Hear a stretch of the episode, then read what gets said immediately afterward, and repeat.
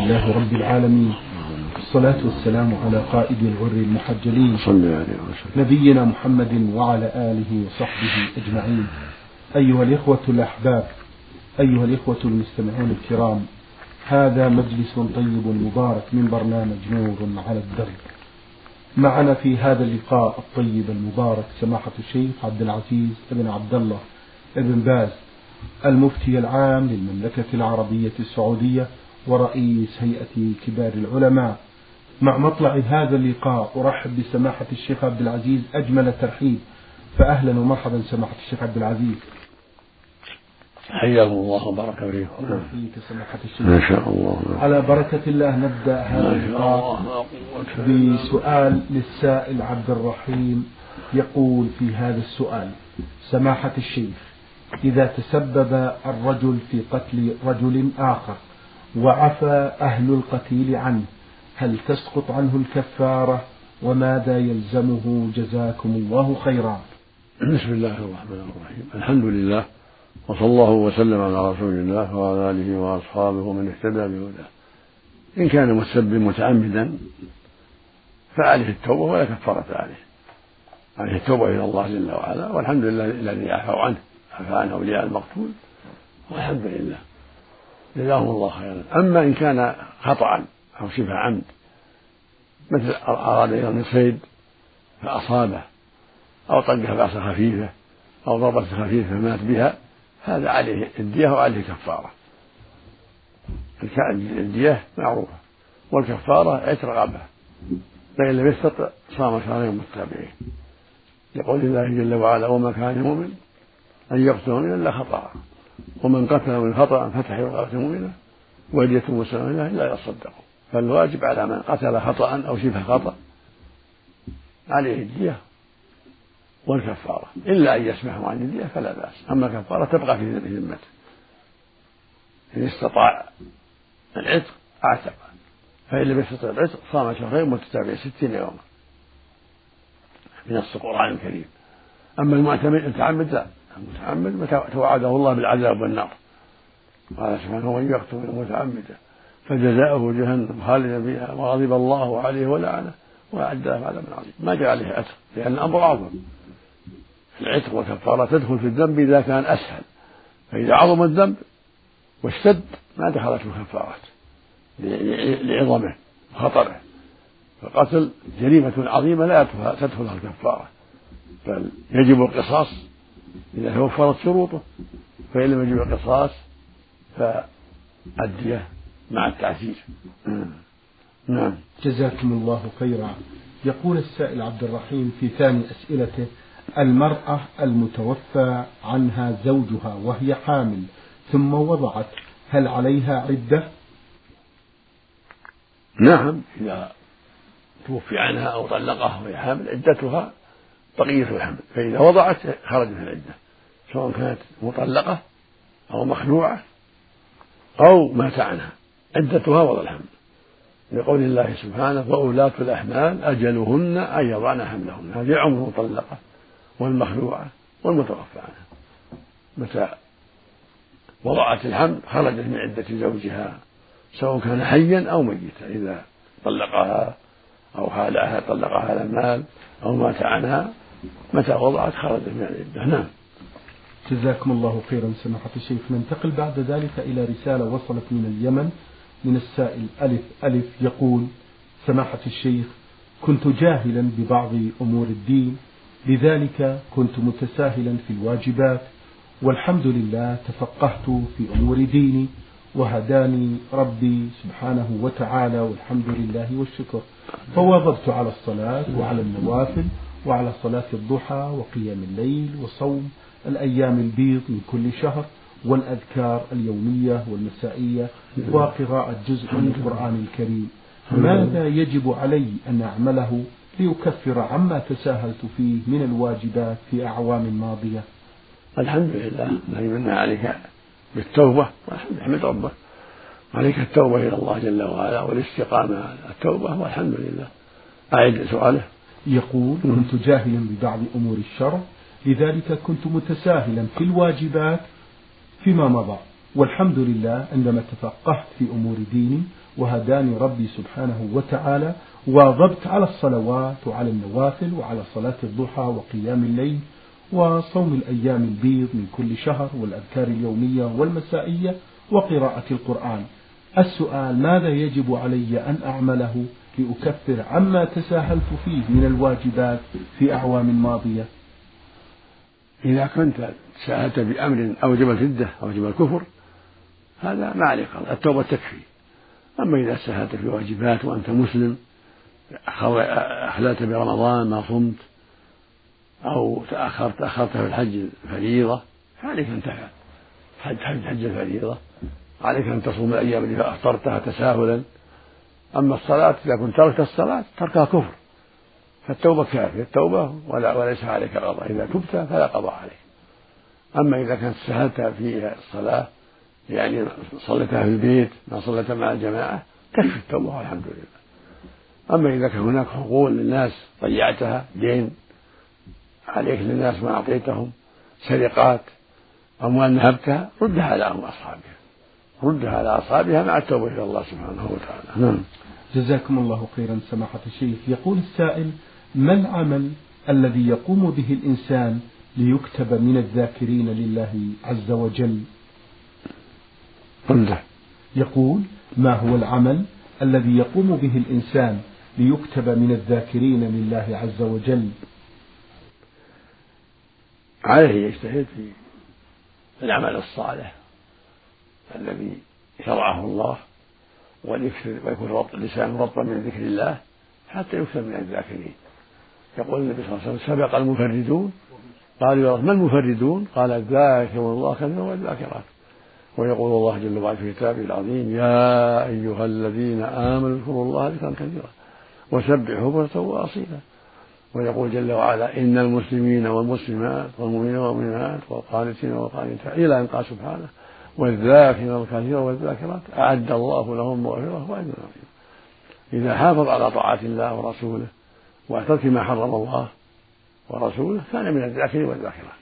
إذا حافظ على طاعة الله وأداء حقه وأشغل وقته ولسانه بذكر الله فهو من الذاكرين والذاكرات. والحمد لله إذا أكثر من ذلك. عن إخلاص لله لا الرياء ولا سمعة.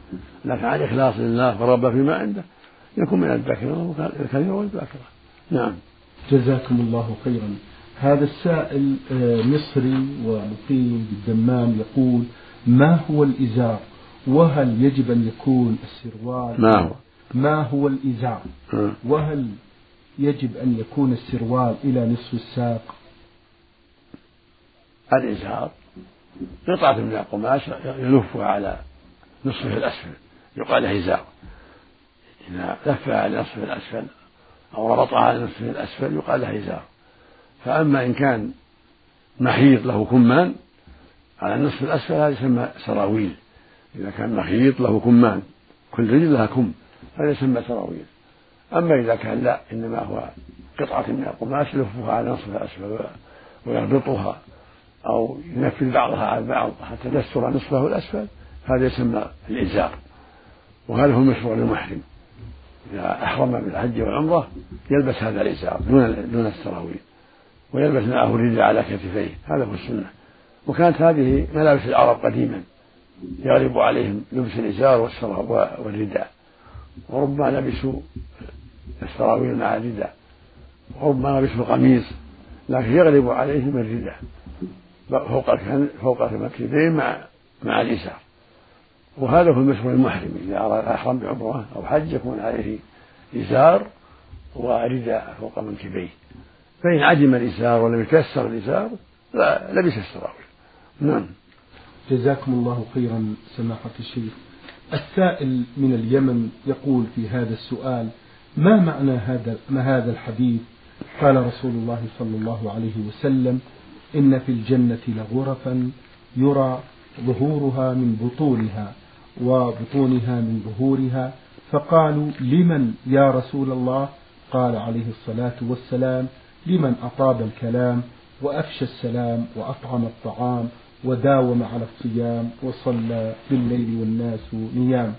هل هذا حديث صحيح؟ نعم حديث صحيح. وهي عظيمة شفافة. ترى ظهورها من بطونها وبطونها من ظهورها. أعد الله لمن ذكره النبي عليه الصلاة والسلام. من أطعم الطعام وأتم الصيام وصلى بالليل والناس نيام.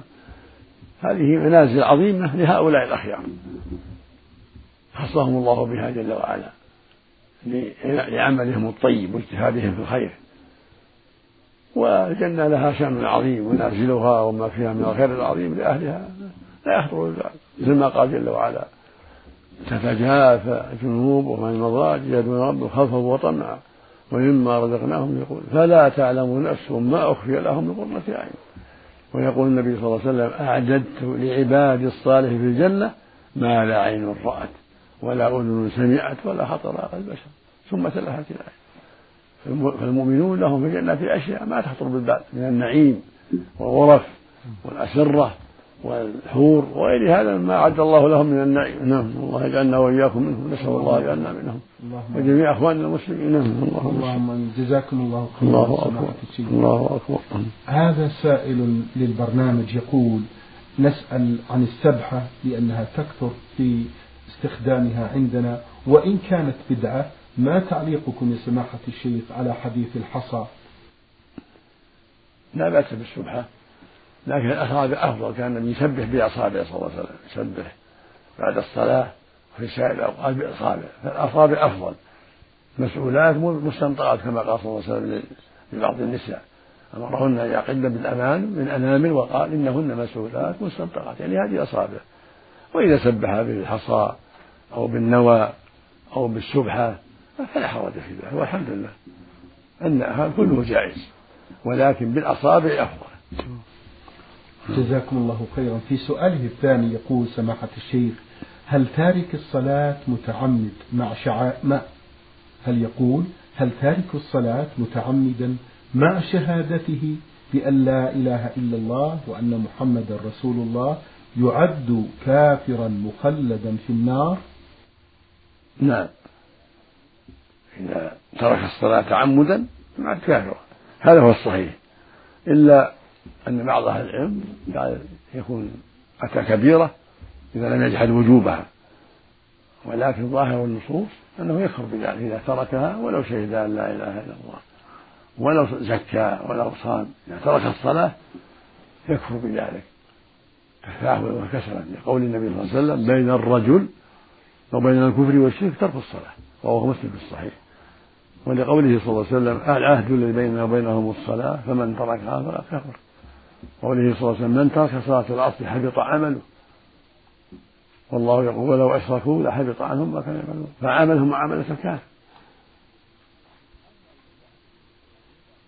أما إذا جحد وجوبها قال هي واجبة الصلاة. هذا يكفر عند الجميع عند جميع المسلمين عند جميع العلماء. يعني ولو صلى إذا قال هي واجبة كفر عند الجميع لأنه مكذب لله ولرسوله نسأل الله العافية نعم. جزاكم الله خيرا سماحة الشيخ. في آخر أسئلته يقول هذا السائل نسأل عن النقاب بالنسبة للمرأة إن كان واجبا ماذا إيه، نقول نسأل عن حكم النقاب بالنسبة للمرأة. وإذا كان واجبا فبماذا نرد على من يقول بخلاف ذلك؟ سماحة الشيخ. المرأة عورة والنقاب حقها واجب. وستر الوجه وستر جميع بدنها عن الأجنبي الرجل الأجنبي. وكان في أول الإسلام لها أن تكشف وجهها ويديها عند الرجال وتخالطهم. ثم نسخ الله ذلك وأنزل الله الحجاب ولقوله سبحانه وإذا سألتموهن متاعا فاسألوهن من وراء حجاب. يعني من وراء ساتر. ذلكم أطهر لقلوبكم وقلوبهن. وقال تعالى يا أيها النبي قل لأزواجك وبناتك والنساء يدنين عليهن من جلابيبهن ذلك أدنى أن يعرفن فلا يؤذي يعرفن بالجلباب الذي يغطي وجهها وبدنها. هذا هذا هو الأخير. وكان الأمر الأول مرخصا للمرأة أن تكشف وأن تجلس مع الرجال. ثم أنزل الله الحجاب صيانة لهن وحماية لهن من أسباب الفتنة. وللرجال أيضا. فالكشف معصية لا يجوز لها أن تكشف لغير محارمها. إلا في في في الإحرام تترك النقاب تغطي وجهها بغير النقاب بالخمار بجلباب أما النقاب الذي يستر وجهها ويبقى نقبان لعينيها أو نقب واحد هذا يمنع في الإحرام. وهو ستر خاص وحجاب خاص. تمنع منه المرأة في الإحرام. أما سترها وجهها بغير ذلك من الخمر والشيء يسمى الشيلة أو أو غير ذلك لا بأس. مثل ما يعني عائشة رضي الله عنها قال كنا مع النبي صلى الله عليه وسلم في حج الوداع محرمات. وكنا إذا دنا من الركبان سدلت إحدانا خمارها على وجهها من رأسها فإذا بعدوا كشفنا أو قالت جلبابها على وجهها. هذا يدل على أن إذا فضل الوجه بغير النقاب في حق محرمة لا بأس. يحصل مصلحتان. الستر مع عدم النقاب وذلك بجعل الجلباب والخمار الذي تلبسه على رأسها على وجهها عند الأجنبي. نعم. جزاكم الله خيرا سماحة الشيخ. السائل إبراهيم ألف من الرياض له مجموعة من الأسئلة يقول هل هناك فوارق بين صلاة الفرض والنافلة؟ نعم في فرق. النافلة مستحبة والفرض واجب. والنافلة تركها لا يأثم لو ترك صلاة الضحى أو صلاة الوتر أو الراتبة الظهر أو الفجر أو المغرب والعشاء لم يأثم. والفريضة يأثم إذا تركها يأثم بل يكفر إذا ترك الفريضة وتعمد تركها. والنافلة في الصلاة يجوز يصليها جالسا ولو ولو كان صحيحا. والفريضة ليس له يصلي جالسا إلا عند العذر عند المرض والعجز. أما النافلة لو صلى جالسا فلا بأس. كما كان النبي يصلي جالسا في صلاة الليل ويقول صلاة الرجل جالس على النصف من صلاة القائمة صلى الله عليه وسلم. فإذا صلى في الليل أو في غير النهار جالسا في النافلة فلا حرج. أما في الفريضة فلا لا بد يصلي قائما لقوله صلى الله عليه وسلم في حديث عمران صل قائما. يقول لعمران بن رضي الله عنه صل قائما. فإن لم تستطع فقاعدا فإن لم تستطع فعلى جنب. فإن لم تستطع فاستطع هذه حق الفريضة. أما النافلة فلا حرج. يصلي جالسا إذا تكاسل وجلس فلا حرج. نعم. يقول السائل إبراهيم نود أن تحدثونا يا سماحة الشيخ عن آثار الزكاة على المجتمع. الزكاة أمرها عظيم وفائدتها كبيرة وفي المجتمع مواساة من المسلمين بعضهم لبعض. الزكاة مواساة يواسي الغني الفقير وينفده ويعطيه من ماله ما يعينه على حاجاته. فالزكاة لها شأن عظيم في المجتمع. يواسى بها الفقير ويقضى بها الدين وتؤلف بها القلوب ففيها مصالح.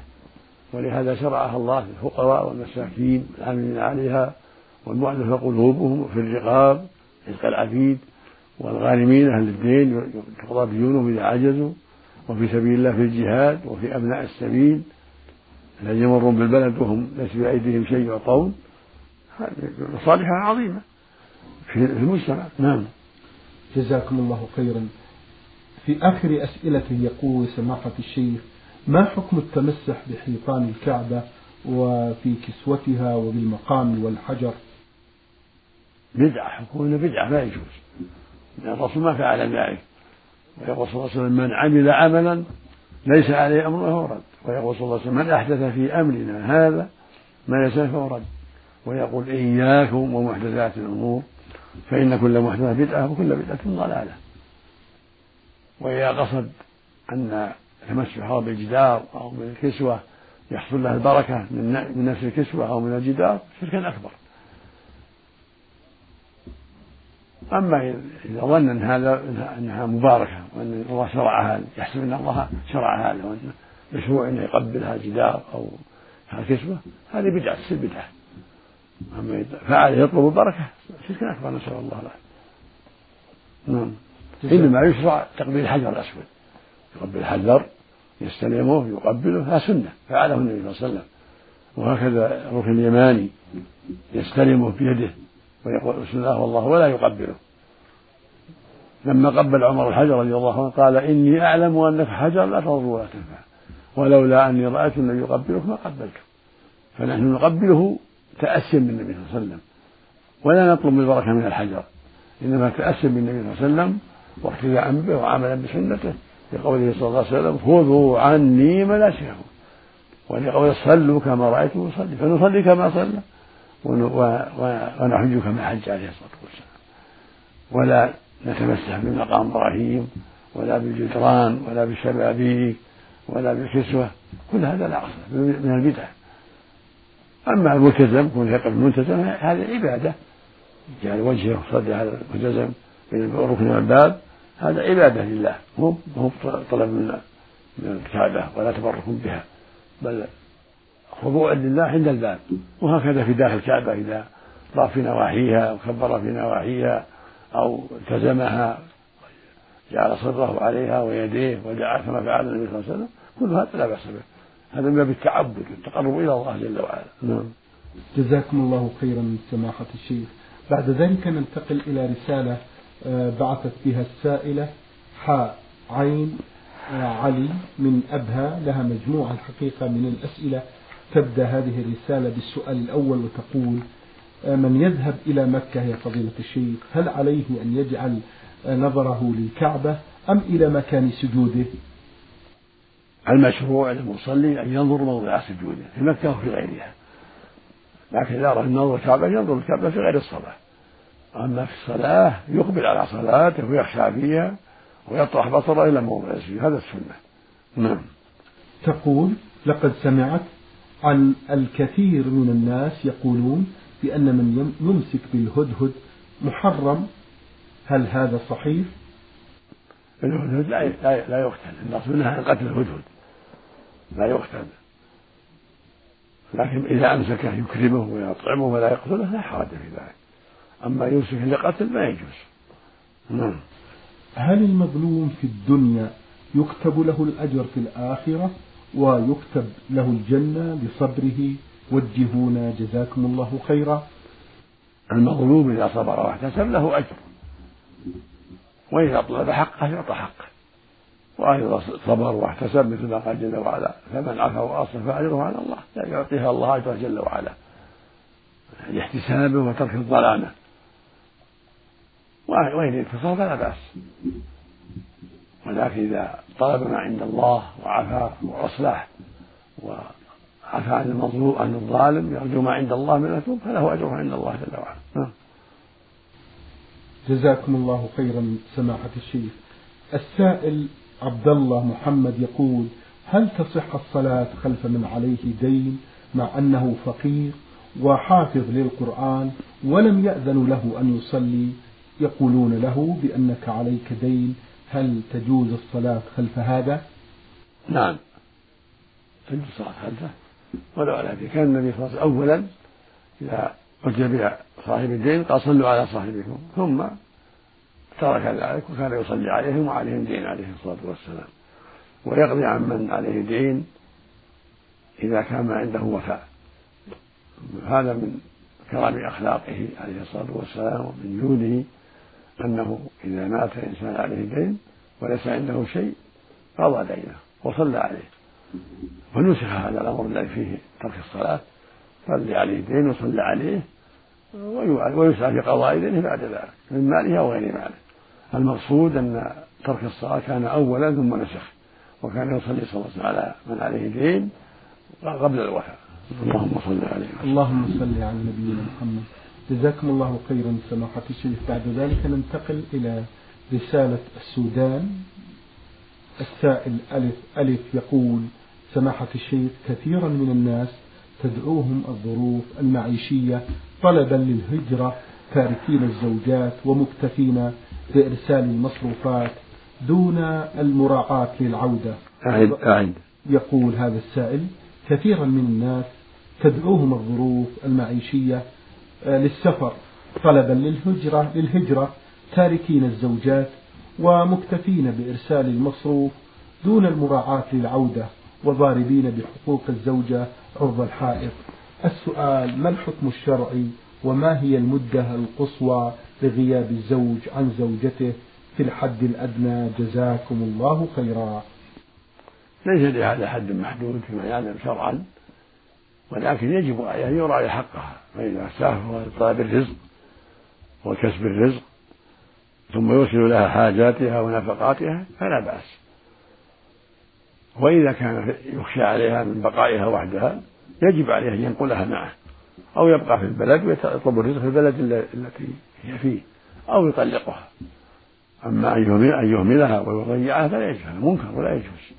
بل يجب أن ينفق عليها أو يوكل من ينفق عليها ويذهب في طلب الرزق. إذا كان بلد ما فيه عمل يذهب يطلب الرزق في عمل بلد آخر ويرسل إليها حاجاتها ونفقاتها أو ينقلها معه.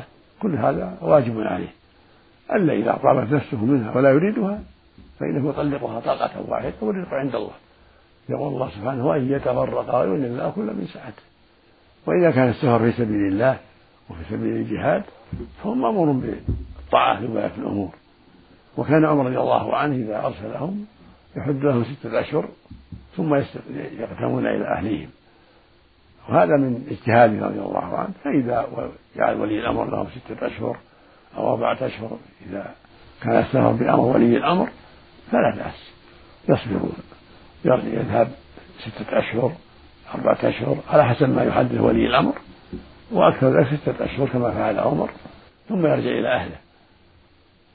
أما إذا أمكن أن تسافر معه زوجته في بلد بلد العمل البلد الذي أرسل إليها كالسفير ونحوه فإنه يسافر بها. حماية لها من الشر وقضاء لوطنه ووطنها وحماية لأنفسهما جميعا من الشر. هو في حاجة إليها وهو في حاجة وهي في حاجة إليه. لكن إذا كان هناك موانع من السفر بها فإنه يرسل نفقاتها ويجتهد في العود إليها سريعا وإذا طلبت الفراق هذا يرجع إلى المحكمة المحكمة الشرعية. إذا قصر في حقها وظلمها يرجع إلى المحكمة الشرعية في النظر في هذا الأمر. لكن عليه يتقي الله وألا يحوجها إلى المحكمة. عليه يتقي الله وأن يصطلح معها على وجه لا يضرها. نعم. جزاكم الله خيرا سماحة الشيخ. نختم هذا اللقاء بسؤال السائل فميم عين يقول عندنا استراحة تبعد عن الرياض حوالي 90 كيلو متر ونحن نخرج لها كل نهاية أسبوع فهل تنطبق علينا أحكام السفر في ذهابنا إليها؟ أفتونا مأجورين. نعم عليكم أحكام السفر. إذا ذهبتم إليها والإقامة مدة يوم يومين أنتم مسافرون. والمدة طويلة 90 كيلو مدة طويلة. كل سفر؟ سمحت الشيخ نعم. كل أسبوع؟ لا إذا كان أقل. إذا كان الإقامة أقل من أربعة أيام فأقل. هم مسافرون. أما إذا عزموا على الإقامة أكثر من أربعة أيام فإنهم مقيمون على قول الجمهور. يصلون أربعة. أما إذا كانت الإقامة أربعة أيام فأقل أو الخميس والجمعة ثم يرجع فهو مسافر. وإن صلى أربعة فلا حرج. إذا كانت المسافة 80 كيلو فأكثر. يوم وليلة يعني. للمطية نعم. جزاكم الله خيرا له فقرة أخرى قبل أن نختم هذا اللقاء سماحة الشيخ يقول نحن ثلاث بنات توفيت والدتنا وعليها قضاء من صيام رمضان حوالي عشرين يوما فهل نتساعد في القضاء عنها؟ بمعنى كل واحدة سبعة أيام أم يلزمنا أن نقوم بالقضاء واحدة فقط؟ لا حرج. يتساعدوا ما دام قضى رمضان لا حرج يتساعدوا. كان تصوم يومين ولا تصوم أربعة تكملوا لا حرج. أما إذا كان صوم متتابع مثل كفارة متتابعة أو نذر متتابع يصوم واحد حتى يتابع بينه. لقول لقول النبي صلى الله عليه وسلم من مات وعليه الصيام صام عنه وليه. فإذا كان عليها على الميت كفارة قتل شهرين أو كفارة ظهار يصام عنه متتابع يصوم واحد متتابع. وإن كان في في ذلك مشقة كفر عنه بالإطعام في كفارة الظهار إطعام ستين مسكين. أو الوطي في رمضان إطعام ستين مسكين وإن صام عنه أحدهم ستين يوما فجزاه الله خيرا. أما القتل ما فيه طعام. ما فيه إلا الصيام أو العتق فإذا تيسر في تركته ما يجب العتق وتيسر العتق اعتقوا من تركته. فإن كان ما تيسر العتق يصوم عن بعضهم. لقول النبي صلى الله عليه وسلم من مات وعليه الصيام صام عنه وليه. يصوم واحد منهم متتابع. أما إذا كان لا قضى رمضان فلا بأس يشترك فيه. لأنه ليس في الترتيب ليس في التتابع. فإذا صام هذا أيام وهذا أيام صار عشرين يوم عليه وأخذ أربعة كل واحد صام خمسة فلا بأس. نعم. شكر الله لكم سماحة الشيخ وبارك الله فيكم وفي علمكم ونفع بكم المسلمين. أيها الإخوة الأحباب أيها الإخوة المستمعون الكرام أجاب عن أسئلتكم سماحة الشيخ عبد العزيز بن عبد الله بن باز المفتي العام للمملكة العربية السعودية ورئيس هيئة كبار العلماء. شكر الله لسماحته على ما بين لنا في هذا اللقاء الطيب المبارك. شكرا لكم أنتم. إلى الملتقى إن شاء الله. وفي الختام تقبلوا تحيات الزملاء. معي في الإذاعة الخارجية الزميل المهندس فهد العثمان. من هندسة الصوت الزميل سعد عبد العزيز خميس. والسلام عليكم ورحمة الله وبركاته.